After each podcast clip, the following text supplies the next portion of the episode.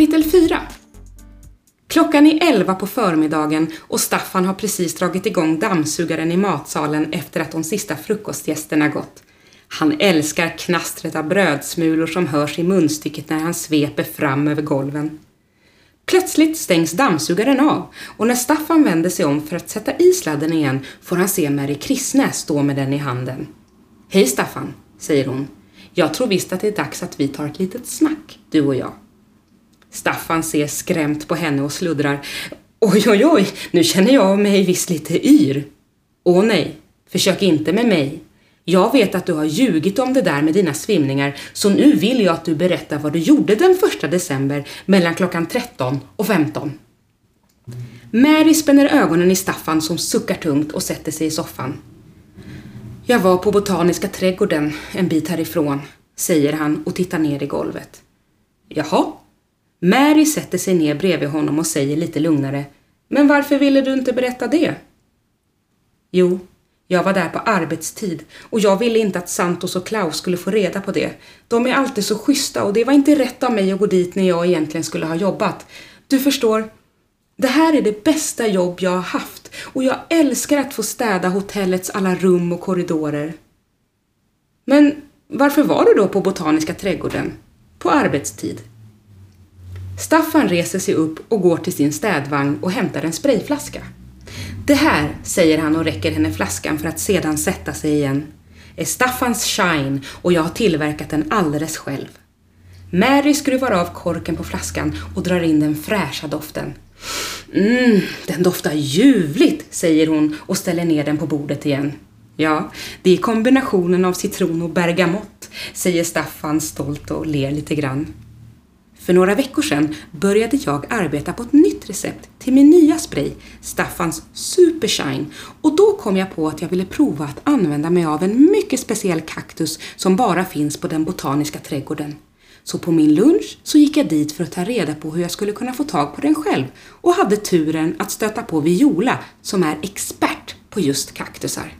Jag har en känsla av att Staffans Supershine skulle kunna ta min städning till en ännu högre nivå och få hotellet att glänsa ännu mer än vad det redan gör.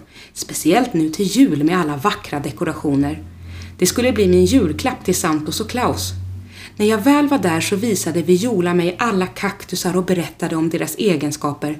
Jag blev så fångad av deras skönhet att jag alldeles tappade bort tiden och när jag tittade på klockan igen så hade den redan hunnit bli tre och jag var inte tillbaks på hotellet förrän 20 över. Du kan ringa Viola själv och kolla om du inte tror mig. Mary reser sig upp och letar upp numret till Botaniska trädgården på sin mobil och Staffan hör henne fråga efter Viola innan hon går ut i korridoren för att prata ostört. Efter några minuter är hon tillbaks. Jag fick tag på Viola och hon gick i god för att du var där mellan kvart över tolv och femton. Staffan ser lättad ut och säger lågt. Förlåt att jag ljög. Jag förstår om du vill berätta det här för Santos och Klaus. Det är inte mer än rätt. Mary funderar en stund, sen säger hon. Mm, jag skulle kunna tänka mig att låta det här passera, men bara på ett villkor. Vad då? frågar Staffan hoppfullt.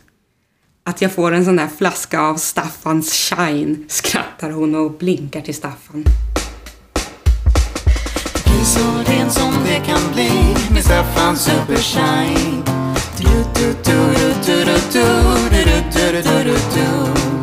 När du städar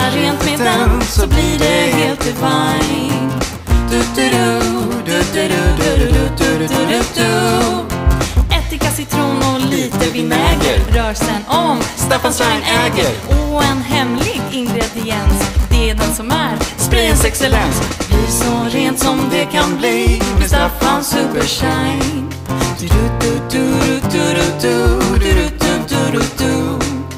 När du städar rent med den så blir det helt divine.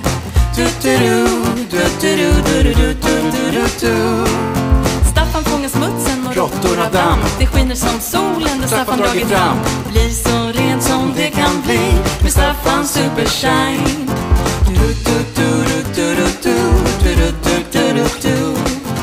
När du städar rent med den så blir det helt divine. Du-du-du, du-du-du-du-du-du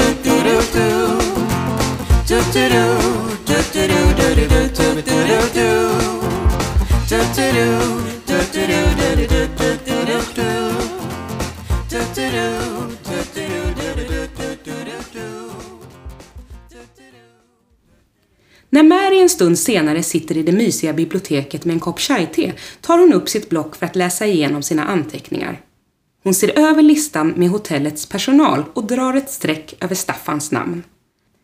Hon ska precis börja fundera på vem hon ska tala med under morgondagen när hon hör Rodolfo stöna högt från receptionen. Åh nej! Inte i år igen!